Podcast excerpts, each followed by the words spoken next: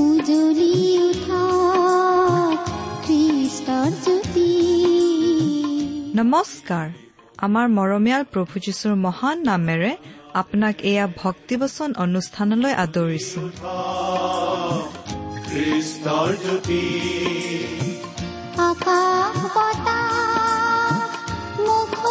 কৰি গাঁও হাৱে মিলি প্ৰশংসা গীতি গাঁও সবে মিলি প্ৰশংসা গীতি আজিৰে পবিত্ৰ ক্ষণতে উজলি উঠা খ্ৰীষ্টৰ জ্যোতি ঈশ্বৰে আপোনাক যি অসীম প্ৰেম কৰিলে তাক যদি অনুভৱ কৰিব বিচাৰে আৰু তেওঁৰ অগম্য বাক্যৰ মৌ মিঠা সোৱাদ ল'ব বিচাৰে তেন্তে আহক আজিৰ ভক্তিবচন অনুষ্ঠানটো মনোযোগেৰে শুনো।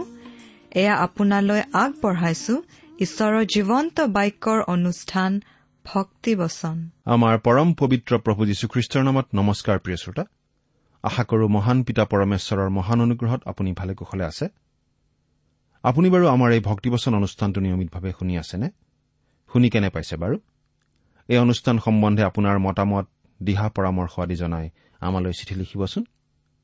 যদিহে আপুনি আমাৰ নিয়মীয়া শ্ৰোতা কিন্তু কেতিয়াও আমালৈ চিঠি পত্ৰ লিখা নাই তেনেহলে আজিয়ে লিখিবচোন। যদিহে আমালৈ মাজে সময়ে চিঠি পত্ৰ লিখি আছে তেনেহলে আপোনাক ধন্যবাদ জনাইছো। আপোনালোকৰ পৰা পোৱা চিঠি পত্ৰই আচলতে আমাৰ উৎসাহ উদ্দীপনাৰ উৎস। আমাৰ ঠিকনা ভক্তিবচন টি ডব্লিউ আৰ ইণ্ডিয়া ডাক বাকচ নম্বৰ সাত শূন্য গুৱাহাটী সাত আঠ এক শূন্য শূন্য এক। ভক্তিবচন T W R India post box number seventy Guwahati seven eight one zero' zero' one. আমাৰ website W W W dot radio' eight eight two dot com প্ৰিয় শ্ৰোতা আমি আজি কিছুদিনৰ পৰা বাইবেলৰ পুৰণি নিয়ম খণ্ডৰ আমোচ ভাৱবাদীৰ পুস্তক নামৰ পুস্তকখন অধ্যয়ন কৰি আছো। নহয়নে বাৰু? যদিহে আপুনি আমাৰ এই ভক্তিবচন অনুষ্ঠানটো নিয়মিতভাৱে শুনি আছে তেনেহলে আপুনি সেই কথা নিশ্চয় জানে। ইয়াৰ আগৰটো অধ্যয়নত আমি চাইছিলো এই আমোচ ভাৱবাদীৰ পুস্তকৰ পাঁচ নম্বৰ অধ্যায়ৰ ছয় নম্বৰ পদৰ পৰা সোতৰ নম্বৰ পদলৈকে। আজিৰ অধ্যয়নত আমি অধ্যয়ন কৰিবলৈ লৈছো আমোচ পাঁচ নম্বৰ অধ্যায়ৰ ওঠৰ নম্বৰ পদৰ পৰা সাতাইছ নম্বৰ পদলৈকে। আমি প্ৰাৰ্থনাৰে এই অধ্যয়নত ধৰো হওক। আহক প্ৰাৰ্থনা কৰো। সৰগ নিবাসী হে সৰ্বশক্তিমান ঈশ্বৰ আপোনাৰ নাম পূজ্য হওক। আপোনাৰ শাসন ধৰাৰ সৰ্বত্ৰতেই বিৰাজ হওক। সৰগৰ দৰে এই ধৰাটো আপোনাৰ মংগলময় ইচ্ছা পূৰ্ণ হওক। আমি আপোনাৰ মহান আৰু পবিত্ৰ নামৰ ধন্যবাদ কৰো। কিয়নো হে দয়াৰ সাগৰ ঈশ্বৰ আমি যেতিয়া অবুজ ভেড়াৰ দৰে অপথে বাট বুলি নৰক অভিমুখে অগ্ৰসৰ হৈছিলো তেতিয়াই আমাৰ পৰম পবিত্ৰ আৰু দয়ালু পৰিত্ৰাতা যীশুখ্ৰীষ্টই আমাৰ কাৰণে আপোন প্ৰাণ দিলে আৰু নৰকৰ অনন্ত মৰণৰ পৰা আমাক পৰিত্ৰাণ দান কৰিলে। আপুনি পৰিত্ৰাণ দান কৰাত আমি আৰু এতিয়া নৰকলৈ যাব নালাগে। ধন্য হওক আপোনাৰ মহান নাম। এই অনুষ্ঠান শ্ৰৱণ কৰোতা অনেক শ্ৰোতা আপোনাৰ সেই পৰিত্ৰাণৰ অধিকাৰী হওক। হওক প্ৰভু হওক। আপোনাৰ চৰণত এই প্ৰাৰ্থনা ৰাখিলো প্ৰভু যীশুৰ নামত। আমেন।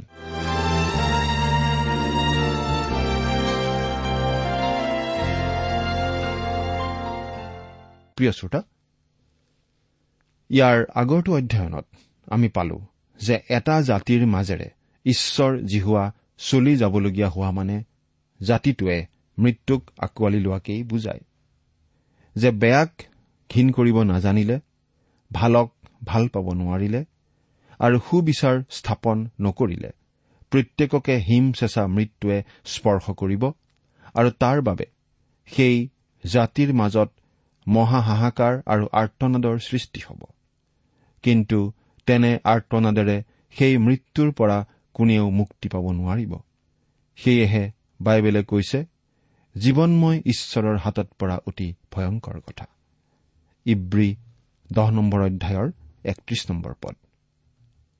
এতিয়া আমোচৰ পুস্তকখনৰ পাঁচ নম্বৰ অধ্যায়ৰ ওঠৰ নম্বৰ পদৰ পৰা অধ্যয়নত ধৰো হওক। পদটো পাঠ কৰি দিছো শুনিব। আমোচ পাঁচ নম্বৰ অধ্যায়ৰ ওঠৰ নম্বৰ পদটো। প্ৰভুৰ দিন বাঞ্ছাকাৰী যি তোমালোক তোমালোকৰ সন্তাপ হ'ব। তোমালোকে কিয় জিহুৱাৰ দিনলৈ বাঞ্ছা কৰিবা? সেয়ে পোহৰ নহয় অন্ধকাৰহে। ইয়াৰ মানে হৈছে যে আমোচৰ দিনত অনেক ইছৰাইলীয় লোকে বৰ ধৰ্মপৰায়ণ দেখুৱাই কৈছিল যে তেওঁলোকে আচলতে প্ৰভুৰ দিনলৈ বৰ বাঞ্ছা কৰে বৰ হাবিয়াস কৰে সেই দিনলৈ তেওঁলোকে বাট চাই থাকে। কিন্তু তেওঁলোকৰ সেই ভাও ধৰা আচৰণটোৰ কাৰণে আমোছে ইছৰাইলক ধিক্কাৰ দিছে। কাৰণ প্ৰভুৰ দিনলৈ বাট চোৱা ইচ্ছাটো তেওঁলোকৰ মানত এটা ধৰ্মীয় ভাৱাবেগ মাথোন। তাৰ বাহিৰে এই দিনটোৰ কোনো তাৎপৰ্য তেওঁলোকে দেখা নাপায়। এই দিনটোক লৈ তেওঁলোক অতি আনন্দিত বা উত্তেজিত হোৱাৰ কোনো কাৰণ তেওঁলোকে দেখা নাছিল। প্ৰভুৰ দিন বোলা কথাষাৰ আমোচ ভাৱবাদীয়েও তেওঁৰ ভাৱবাণী বচনত ব্যৱহাৰ কৰিছে। এই কথাষাৰ পুৰণি নিয়মত জুৱেল ভাৱবাদীয়েই প্ৰথম ব্যৱহাৰ কৰিছে আৰু তেওঁৰ পাছৰ পৰা তেওঁৰ পৰৱৰ্তী ভাৱবাদীসকলৰ প্ৰত্যেকেই এক প্ৰকাৰে নহয় আন প্ৰকাৰে প্ৰভুৰ দিনৰ বিষয়ে উল্লেখ কৰিছে। অনেকে বিশ্বাস কৰে যে প্ৰভুৰ দিনে প্ৰভুৰ হাজাৰ বছৰ ৰাজত্বৰ দিনকে বুজায়। কিন্তু আন অনেকে হলে এই বুলি ক'ব খোজে যে এই প্ৰভুৰ দিনে পোহৰ বা সুখৰ দিনক নুবুজায় বৰং প্ৰভুৰ দিনে ক্লেশ বা অন্ধকাৰকহে বুজায়। এই দিন মহাক্লেশেৰে আৰম্ভণ হ'ব আৰু সেই মহাক্লেশৰ মাজেৰে আগবাঢ়ি প্ৰভুৱে এই জগততে তেওঁৰ ৰাজ্য পতাৰ সময়লৈ গতি কৰিব। অনেক বাইবেল শিক্ষকসকলে ভাবে যে ইছৰাইলীয় লোক এটা সময়ত ঈশ্বৰ নিন্দক হৈ উঠিছিল আৰু তেওঁলোকে প্ৰভুৰ দিন বোলা কথাষাৰক উপহাস কৰিছিল। কিন্তু তেওঁলোকে সেইদৰে ভাবিলেও সেইটো আমোছে ইয়াত কোৱা নাই। বৰং আমোছে কৈছে যে ইছৰাইলৰ সন্তানসকলে নিজকে ঈশ্বৰ পৰায়ণ ৰূপতহে দেখুৱাইছে। সেৱা উপাসনাৰ বাবে প্ৰভু ঈশ্বৰে ৰীতি নীতি স্থিৰ কৰি দিছিল সেইবোৰ তেওঁলোকে ভালদৰেই আৰু নিয়মীয়াকৈয়ে পালন কৰিছিল। কিন্তু সেইবোৰ পালন কৰাত কোনো আন্তৰিকতা নথকাৰ ফলত তেওঁলোকে লগে লগে আন দেৱতাবোৰৰ প্ৰতিমা পূজাও কৰিছিল। আজিৰ মানুহে কেৱল নিয়মটোৰ কাৰণে গীৰ্জালৈ যোৱাৰ দৰে তেতিয়াৰ দিনতো তেওঁলোকে তেওঁলোকৰ ধৰ্মটোৰ ৰীতি নীতি আন্তৰিকতাহীনভাৱে পালন কৰিছিল মাথোন। কিন্তু মুচিয়ে দিয়া ৰীতি নীতি পালন কৰাৰ পৰা যে তেওঁলোকৰ আধ্যামিক লাভ হ'ব লাগে বা সেইবোৰ পালন কৰাত যে আন্তৰিকতা আৰু বিশ্বস্ততা থাকিব লাগে তেনে কোনো কথা তেওঁলোকৰ নাছিল। আজিৰ আমাৰ সেৱা উপাসনাবোৰ যে ইমান জীৱন প্ৰাণহীন তাৰ এটা কাৰণ কি হ'ব পাৰে আপুনি জানেনে প্ৰিয় শ্ৰোতা? এইটোৱেই কাৰণ অৰ্থাৎ বিশ্বস্ততা আৰু আন্তৰিকতাহীনভাৱে বৰ গতানুগতিকতাৰে ঈশ্বৰৰ সেৱা উপাসনা কৰাটোৱেই তাৰ কাৰণ। উপাসনাবোৰ চকুৰে চাই কাণেৰে শুনি আমাৰ ভাল লাগিব পাৰে। কিন্তু সেইবোৰে জানো আমাৰ জীৱনটো স্পৰ্শ কৰিব পাৰে। নাইবা আমাৰ জীৱনৰ পৰিৱৰ্তন সাধিব পাৰে। আমাৰ আধ্যামিক জীৱনত আমি উপকাৰ লাভ কৰিব পৰাটোৱেই আমাৰ ঈশ্বৰ উপাসনাৰ মূল লক্ষ্য। ঈশ্বৰ উপাসনাৰ জীৱনেৰে আপুনি জগতৰ দৃষ্টিত আদৰ্শৰ জীৱন যাপন কৰিব পাৰেনে? যদি পাৰে তেন্তে আপুনি আপোনাৰ সত্য ঈশ্বৰৰ উপাসনা আন্তৰিকতা আৰু বিশ্বস্ততাৰে কৰিব পাৰিছে। আপোনাৰ আৰু মোৰ ঈশ্বৰ উপাসনাত আন্তৰিকতা আছেনে নাই সেইটো বিচাৰ কৰি চোৱা প্ৰয়োজন আছে। মানুহে সন্মুখীন হবলৈ ইচ্ছা নকৰা কঠিন পৰিস্থিতিৰ বেলিকা প্ৰভুৰ আগমন তেতিয়াই হোৱাটোলৈ বৰ কামনা কৰে।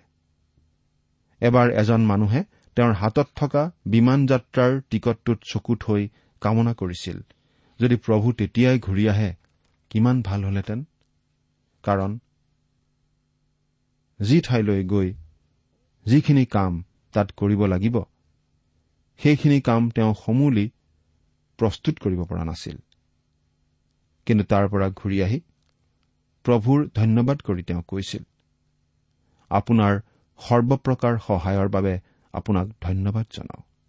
হে প্ৰভু আপুনি দেখিছে আগন্তুক পাঁচটা বছৰৰ কৰ্ম আঁচনি প্ৰস্তুত কৰি মোৰ ওপৰত দায়িত্ব ন্যস্ত কৰা হৈছে। আপুনি মোক সহায় কৰক। খণ্ড জ্ঞানৰ আপোনাৰ এই দাসক জ্ঞান দিয়ক। যেন আপোনাৰ নামৰ গৌৰৱৰ অৰ্থে আৰু মানুহৰ মংগলৰ বাবে এইখিনি কাম আগন্তুক পাঁচটা বছৰত সমাধা কৰিব পাৰো। চাওক প্ৰিয় শ্ৰোতা। এটা সময়ত কামনা কৰিছিল ৰাতাৰাতিয়েই যেন প্ৰভুৰ পুনৰাগমন ঘটে। কিন্তু আনটো সময়ত পাঁচটা বছৰৰ ভিতৰতো প্ৰভু পুনৰ ঘূৰি নাহিলেও তেওঁৰ কোনো আপত্তি নাই নাইবা তেওঁৰ সেই কামনা নাই। ইয়াৰ দ্বাৰা এই কথাটোৱেই স্পষ্ট হৈছে যে প্ৰভুৰ পুনৰ আগমনটো সেই মানুহজনে যে কামনা কৰিছিল নিশ্চিত এটা বিশেষ অসুবিধাৰ পৰা ৰেহাই পাবৰ কাৰণেহে। কিন্তু সঁচাকৈয়ে যে প্ৰভুৰ পুনৰ আগমন বৰ বাঞ্ছা কৰিছিল সেইকাৰণে নহয়। প্ৰিয় শ্ৰোতা আপুনি বাৰু প্ৰভুৰ পুনৰাগমন হওক বুলি বাঞ্ছা কৰেনে? তেওঁ যদি আজিয়েই আহে তেওঁৰ সৈতে সাক্ষাৎ হবলৈ আপুনি বাৰু প্ৰস্তুত নে? কিন্তু জীৱন মঞ্চত অভিনয় কৰা এই ইছৰাইলৰ সন্তানসকলক আমোছে কৈছিল নিজকে ঈশ্বৰ পৰায়ণ দেখুওৱা যি তোমালোক তোমালোকে আন্তৰিকতাহীনভাৱে মুচিয়ে দি থৈ যোৱা ৰীতি নীতিবোৰ পালন মাথোন কৰিছা। তোমালোকে আচলতে ঈশ্বৰকেই নাজানা আৰু সেইকাৰণেই তোমালোকে আন দেৱতাবোৰৰ প্ৰতিমা পূজাটো সমানে লাগিছা। প্ৰভুৰ দিনলৈ যে তোমালোকৰ বৰ হাবিয়াস সেইটো সঁচা কথা নহয়। প্ৰভুৰ দিন পোহৰ নহয়। ই অন্ধকাৰময়হে। সেই প্ৰভুৰ দিন আহি উপস্থিত হলে তোমালোকে প্ৰথমতে মহাক্লেশৰ মাজেৰে গতি কৰিব লাগিব। তোমালোকে প্ৰভুৰ দিন বুলি পোনছাতেই হাজাৰ বছৰীয়া ৰাজত্বৰ কালচোৱাত প্ৰৱেশ কৰিব বিচাৰা। কিন্তু প্ৰভুৰ দিন সেইদৰে নাহিব। আমি যিবিলাক লোকে বিশ্বাস কৰো যে আমি খ্ৰীষ্টীয় মণ্ডলীভুক্ত লোকসকলে মহাক্লেশৰ মাজেৰে গমন কৰিব নালাগিব সেইসকলে মনত ৰাখিব লাগিব যে আমি ঈশ্বৰৰ সুদবিচাৰৰ পৰা হাত সাৰিব নোৱাৰিম। প্ৰিয় শ্ৰোতা সৰগ ৰাজ্যত প্ৰৱেশ কৰাৰ পাছত আমাৰ কিছুমানে ভাবিব যে আমিও মহাক্লেশৰ মাজেৰে গমন কৰিবলগীয়া হ'ল। কিয়? সেইদৰে ভাবিবলগীয়া হ'ব। কিয়? জানেনে? দ্বিতীয় কৰিন্ঠিয়া পাঁচ নম্বৰ অধ্যায়ৰ ন আৰু দহ নম্বৰ পদত পাচনি পৌলে কি কৈছে শুনকচোন। এই হেতুকে নিবাস কৰো বা প্ৰবাস কৰো তেওঁৰ প্ৰিয়পাত্ৰ হবলৈহে আমি যত্ন কৰি আছো। কিয়নো প্ৰতিজনে কৰা কৰ্ম ভাল হওক বা বেয়া হওক তাৰ দৰে শৰীৰৰ দ্বাৰাই কৰা কৰ্মৰ ফল পাবলৈ আমি সকলোৱে খ্ৰীষ্টৰ সুধৰ আসনৰ আগত প্ৰকাশিত হ'ব লাগিব। পৰিত্ৰাণপ্ৰাপ্ত কৰা যি আমি আমাৰ সুধ বিচাৰ হ'ব খ্ৰীষ্টৰ সুধৰ আসনৰ আগত। সেই ডাঙৰ বগা সিংহাসনৰ আগত নহয়। প্ৰতিজনে কৰা কৰ্ম ভাল হওক বা বেয়া হওক তাৰ দৰে শৰীৰৰ দ্বাৰাই কৰা কৰ্মৰ ফল পাবলৈ। আমি যিখন সুধৰ আসনৰ আগত হাজিৰ হ'ম সেইখন হ'ব খ্ৰীষ্টৰ সুধৰ আসন। সেই সুধৰ আসনৰ আগত আমি পৰিত্ৰাণৰ কথা লৈ জবাবদিহি দিব লগা নহ'ব। এই ক্ষেত্ৰত বাইবেলে এই বুলি কৈছে কাৰণ যি স্থাপন কৰা হ'ল তাৰ বাহিৰে আন ভিত্তিমূল কোনেও স্থাপন কৰিব নোৱাৰে। সেই ভিত্তিমূল যীশুখ্ৰীষ্ট। প্ৰথম কৰিন্ঠিয়া তিনি নম্বৰ অধ্যায়ৰ এঘাৰ নম্বৰ পদ। আন কথাত আমি যদি কোনো গৃহ নিৰ্মাণ কৰিব খোজো তেন্তে তাৰ ভেটি হল যীশুখ্ৰীষ্ট।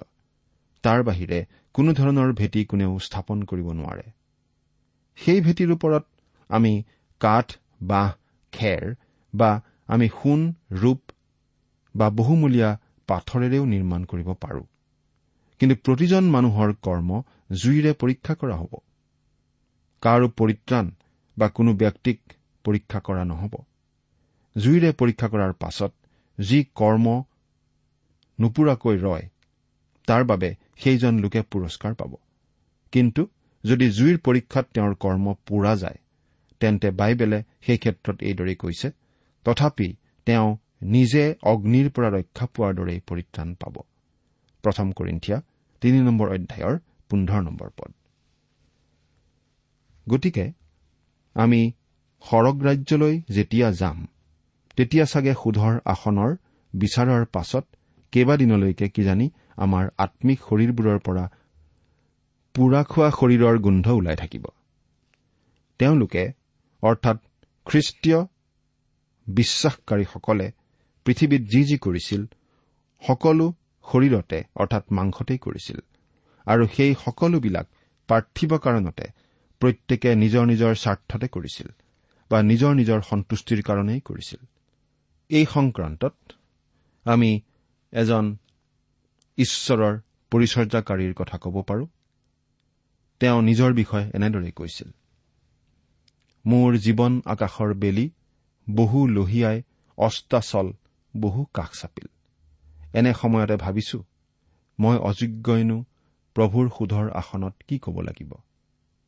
আপোনালোকৰ কিছুমানে ভাবিব পাৰে যে মোৰ নিচিনা এজন অযোগ্যই যোৱা বত্ৰিশ তেত্ৰিশ বছৰে ভুলে ভালে যিহেতু ঈশ্বৰৰ পৰিচৰ্যা কৰি আহিছো গতিকে ঈশ্বৰে মোক বিস্তৰ পুৰস্কাৰেৰে পুৰস্কৃত কৰিব।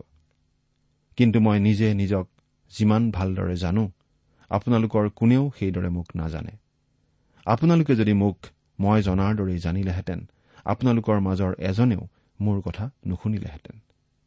আৰু শুনক ময়ো যদি আপোনালোকৰ প্ৰত্যেককে আপোনালোকৰ দৰেই জানিলোহেঁতেন ময়ো আপোনালোকৰ এজনৰ লগতো কথা নিশ্চয় নাপাতিলোহেঁতেন। এইবুলি সেই মানুহজনে প্ৰকাশ কৰিছিল। প্ৰিয় শ্ৰোতা এই জগতত আমি যি জীৱন ধাৰণ কৰিছো সেই জীৱনৰ কৰ্ম সৰগত পৰীক্ষা কৰা হ'ব। হয় প্ৰত্যেকৰে জীৱনৰ আচৰণ আৰু কৰ্ম সৰগত পৰীক্ষা কৰা হ'ব। তেনেস্থলত আমি প্ৰভুৰ পুনৰাগমনলৈ বৰ বাঞ্ছা কৰি দেখুওৱাটো চৰম কপটতাৰহে চিন হ'ব। সুধৰ আসনৰ আগত প্ৰতিগৰাকী খ্ৰীষ্টীয় বিশ্বাসকাৰীৰেই মাংসৰ আচৰণ আৰু পৰীক্ষা কৰা হ'ব। যিহৰ বাবে সৰগত আমাৰ অনেকৰেই এনেকুৱা ভাৱ হ'ব যে প্ৰভুৰ দিনৰ মহাক্লেশৰ পৰা আমিও হাত সাৰিব নোৱাৰিলো। সেয়েহে আমি প্ৰভুৰ পুনৰাগমনৰ বাবে সদায় বাট চাই থাকিব লাগে সঁচা? কিন্তু প্ৰভুৰ পুনৰাগমনলৈ বৰ বাঞ্ছা কৰাৰ ভাও জুৰিব নালাগে। প্ৰভুৰ সুধৰ আসনৰ আগত আমাৰ কৰ্মৰ পৰীক্ষা হৈ যোৱাৰ কথা কোৱাৰ পাছত পাচনি পৌলে কি কথা অব্যাহত ৰাখিছে শুনকচোন। এইকাৰণে প্ৰভুৰ ভয় জানি আমি মানুহক প্ৰবৃত্তি কৰাইছো। দ্বিতীয় কৰিন্ঠিয়া পাঁচ নম্বৰ অধ্যায়ৰ এঘাৰ নম্বৰ পদ। এই জগতত খ্ৰীষ্টীয় বিশ্বাসকাৰী ৰূপে কেনে জীৱন আচৰণেৰে চলিছো আৰু কেনে কৰ্ম কৰি জগতত প্ৰভুৰ সাক্ষী হ'ব পাৰিছো সেইবোৰহে সৰগত বিচাৰ্য বিষয় হ'ব। আপোনাৰ নিজৰ ঘৰত আপোনাৰ ব্যৱসায়ত আৰু আপোনাৰ সামাজিক জীৱন ধাৰণত। আপুনি কিমান আৰু কেনেধৰণে আদৰ্শ ব্যক্তি হ'ব পাৰিছে? বা ঈশ্বৰৰ লোকৰূপে সাক্ষী হ'ব পাৰিছে? তাৰহে বিচাৰ প্ৰভু ঈশ্বৰে ল'ব। প্ৰিয় শ্ৰোতা আপুনি সৰগলৈ যাবলৈ ইচ্ছা কৰেনে? আপোনাৰ সকলো বিষয় ঈশ্বৰে সৈতে ঠিক কৰি থোৱা হৈ গৈছেনে? এই ক্ষেত্ৰত ঈশ্বৰৰ মহান দাস পাচনি পৌলে এই বুলি কৈছিল। কিন্তু আমি নিজৰ বিচাৰ নিজে কৰা হলে আমালৈ দণ্ডাজ্ঞা নহলহেঁতেন। প্ৰথম কৰিন্ঠিয়া এঘাৰ নম্বৰ অধ্যায়ৰ একত্ৰিশ নম্বৰ পদ। সেইকাৰণেই আপোনালোকৰ এই অযোগ্য দাসে প্ৰতিদিনে প্ৰভুৰ আগত নিজৰ দোষ স্বীকাৰ কৰি তেওঁৰ ক্ষমা প্ৰাৰ্থনা কৰো আৰু যাতে একে পাপ অপৰাধত নপৰো তাৰ বাবে তেওঁৰ সহায় ভিক্ষা মাগো। প্ৰভুৰে দৈনিক এটা হিচাপ নিকাচ থকা উচিত। মই যদি তাকে এতিয়া ইয়াত নকৰো সৰগ ৰাজ্যত প্ৰভুৱে সকলো মোকাবিলা কৰিব। আজি আপুনি কাৰোবাক অনৰ্থক ৰূপে খং কৰি বৰ বেয়া সাক্ষ্য বহন কৰিলে। আৰু ধৰক আপুনি পৰৰ বিৰুদ্ধে কিবা নকবলগীয়া কথা কলে। আপুনি ভাবেনে যে ঈশ্বৰে সেই সকলো পৰিহৰি আপোনাক বৰ ভাল লোক বুলি ক'ব? ঈশ্বৰে এই সকলোবোৰ মাংসত প্ৰকাশ পোৱা কৰ্ম জুইৰে পৰীক্ষা কৰিব। সৰগৰ স্থায়ী বাসিন্দা হোৱাৰ পূৰ্বে প্ৰভুৱে এই সকলো বিষয় ঠিক কৰিব আৰু এই সকলো ঠিক কৰাৰ উদ্দেশ্যেই তেওঁৰ সেই সুধৰ আসনৰ বিচাৰ। এই ভিত্তিতেই আমোচ ভাৱবাদীয়ে ইছৰাইলৰ লোকসকলক কৈছে তোমালোকে প্ৰভুৰ দিনলৈ বাঞ্ছা কৰাৰ যি ভাও জুৰিছা সেইটো এৰা। এইটো পোহৰৰ দিন নহয় কিন্তু অন্ধকাৰৰহে দিন। এক মহাক্লেশ হ'ব আৰু তাৰ মাজেৰেই তোমালোক গমন কৰিব লাগিব। প্ৰিয় শ্ৰোতা আপুনি যদিহে খ্ৰীষ্টীয় বিশ্বাসকাৰী আৰু সেইবাবেই আপুনি মহাক্লেশৰ মাজেৰে গমন কৰিব নালাগিব। কিন্তু তথাপি এই কথা জানিব যে আপোনাৰ বাবে খ্ৰীষ্টৰ সুধৰ আসন কিন্তু আছে। সেই সুধৰ আসনৰ পৰীক্ষা যিমান নৰম হ'ব বুলি আমি ভাবিব পাৰোঁ সিমান নৰম নহ'ব। এতিয়া পাঁচ নম্বৰ অধ্যায়ৰ ঊনৈশ নম্বৰ পদটো পঢ়ি দিম। ইয়াত এনেদৰে লিখা আছে কোনো মানুহ সিংহৰ পৰা পলাওঁতে এটা ভালুকে তাক লগ পায়। নাইবা ঘৰত সোমাই দেৱালত হাত দিওঁতে সাপে খুটিয়াই সেই দিন তেনেকুৱা। তাৰমানে তাৰমানে আমোজ ভাৱবাদীয়ে এই বুলি কৈছে যে বিপদৰ ওপৰত বিপদ হোৱা সেই কালৰ কবলত পৰাৰ পূৰ্বে ঈশ্বৰৰ সন্তানৰূপে আমি বৰ সজাগ সচেতন জীৱন যাপন কৰিব লাগে। প্ৰভু যীশুত বিশ্বাস স্থাপন কৰা বিশ্বাসকাৰী ৰূপে আমাৰ পৰিত্ৰাণ অটুট থাকে। কিন্তু আমাৰ জীৱনৰ পাপ অপৰাধবোৰৰ মোকাবিলা যদি নকৰো তেন্তে পবিত্ৰ ঈশ্বৰে কৰিবই। ঠিক ঈশ্বৰে কৰিব লাগিবই কাৰণ কোনো বেঠিক কথা সৰগত থাকিব নোৱাৰিব। এতিয়া পাঁচ নম্বৰ অধ্যায়ৰ বিশ নম্বৰ পদ। পাঠ কৰি দিম। জিহুৱাৰ দিন পোহৰহেনে আন্ধাৰ নহয় জানো? সেয়ে ঘোৰ অন্ধকাৰ। আৰু নিচেই দীপ্তি নোহোৱা দিন নহয়নে? প্ৰভুৰ দিন মহাক্লেশেৰে আৰম্ভ হ'ব আৰু সেয়ে ঈশ্বৰৰ সুধবিচাৰৰ প্ৰমাণ হ'ব। অৱশ্যে এই প্ৰভুৰ দিনে প্ৰভু যীশুৰ পুনৰগমন আৰু এই পৃথিৱীতেই তেওঁ পাতিবলগীয়া হাজাৰ বছৰীয়া ৰাজত্বৰ কালো অন্তৰ্নিহিত থাকিব। এতিয়া পাঁচ নম্বৰ অধ্যায়ৰ একৈশ নম্বৰ পদৰ পৰা তেইছ নম্বৰ পদলৈকে পাঠ কৰি দিম। মই তোমালোকৰ উৎসৱবোৰ ঘীন কৰো। মই তোমালোকৰ ধৰ্মসভাবোৰ সুঘ্ৰাণ নলওঁ। তোমালোকে মোৰ উদ্দেশ্যে তোমালোকৰ হোম বলি আৰু ভক্ষ্য নৈবেদ্য উৎসৰ্গ কৰিলেও মই সেইবোৰ গ্ৰহণ নকৰিম। নাইবা তোমালোকৰ মংগলাৰ্থক বলি হৃষ্টপুষ্ট পশুলৈ দৃষ্টি নকৰিম। ইছৰাইলৰ সন্তানসকলে ধৰ্মীয় ৰীতি নীতি পালন কৰিলেও তেওঁলোকৰ বিশ্বস্ততা নাছিল। বিশ্বাস সত্য আৰু বাস্তৱ আৰু তেনে বিশ্বাস কৰ্ম আৰু আচৰণত প্ৰকাশ পায়। নামত মাত্ৰ ৰীতি নীতি পালন কৰা ইছৰাইলৰ সন্তানসকলে পাপ অপৰাধত জীৱন ধাৰণ কৰিছিল। তেনে জীৱন আচৰণ ঈশ্বৰে ঘীন কৰে। এতিয়া চৌব্বিছৰ পৰা ছাব্বিছ নম্বৰ পদ। কিন্তু ন্যায় বিচাৰ পানীৰ নিচিনাকৈ আৰু ধাৰ্মিকতা অনবৰত বৈ থকা নদীৰ নিচিনাকৈ বাগৰি আহক। হে ইছৰাইল বংশ অৰণ্যত চল্লিছ বছৰ তোমালোকে বলি আৰু নৈবেদ্য মোৰ উদ্দেশ্যে আনিছিলানে? তোমালোকে তোমালোকৰ দেৱৰাজ চিক্কতক আৰু কিউন নামেৰে তোমালোকৰ মূৰ্তিবোৰক তোমালোকৰ নিমিত্তে নিৰ্মিত তৰাৰ আকৃতিৰ দেৱমূৰ্তি বৈ নিবা। ন্যায় বিচাৰ আৰু ধাৰ্মিকতা ঈশ্বৰৰ ইচ্ছা। কিন্তু ঈশ্বৰৰ আৰাধনা কৰাৰ অভিনয় কৰি আন দেৱতাবোৰৰ পূজাত লাগি থকাটো মানুহৰ আচৰণ। আমি প্ৰতি ৰবিবাৰে প্ৰভুৰ পূজা কৰো। কিন্তু সোমবাৰৰ পৰা শনিবাৰলৈ অন্যায় নীতিৰে ধনৰ পূজাত ধৰো। তেতিয়াৰ ইছৰাইল আৰু এতিয়াৰ যি আমি আমাৰ মাজত একো পাৰ্থক্য নাই। ইয়াৰ বাবে সুধৰ আসনৰ আগত আমি উত্তৰ দিব লাগিব। সাতাইছ নম্বৰ পদ। আৰু বাহিনীবিলাকৰ ঈশ্বৰ নামেৰে প্ৰখ্যাত জিহুৱাই কৈছে মই তোমালোকক দম্মেচকৰ সিফাললৈ বন্দী কৰি লৈ যাম। ইছৰাইলে ভৱিষ্যতে শাস্তিৰ সন্মুখীন হ'ব আৰু ফলস্বৰূপে অচুৰলৈ দেশান্তৰ হৈ বন্দী লোক হ'ব। ইয়াৰ পৰা পাঠ শিকিবলৈ প্ৰভুৱে আমাক চেতনা দিয়ক। ঈশ্বৰে আপোনাক আশীৰ্বাদ কৰক। আমেন।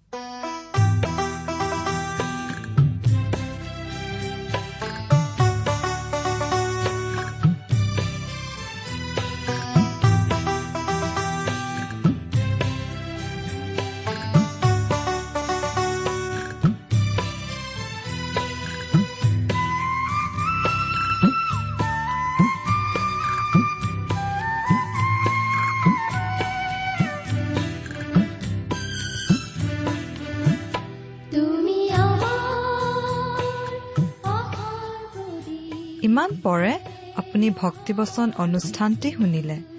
অনুষ্ঠানটি শুনি কেনে পালে? আমালৈ চিঠি লিখি জনাবচোন।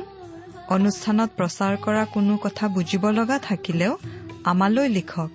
আমাৰ ঠিকনা ভক্তিবচন টি ডাব্লিউ আৰ ইণ্ডিয়া ডাক পাকচ নম্বৰ সাত শূন্য গুৱাহাটী সাত আঠ এক শূন্য শূন্য এক।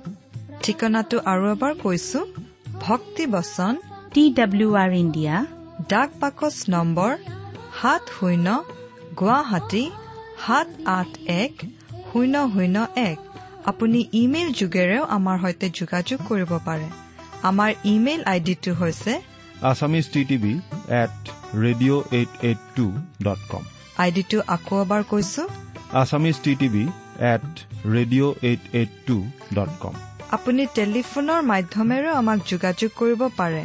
আমাৰ টেলিফোন নম্বৰটো হৈছে শূন্য তিনি ছয় এক দুই ছয় শূন্য চাৰি ছয় সাত এক। ফোন নম্বৰটো আকৌ এবাৰ কৈছো zero' three six one two six zero' four six seven one. আজিৰ অনুষ্ঠানটি ইমানতেই সামৰিছো। ঈশ্বৰৰ শান্তি আৰু অনুগ্ৰহ আপোনাৰ লগত থাকক। ধন্যবাদ।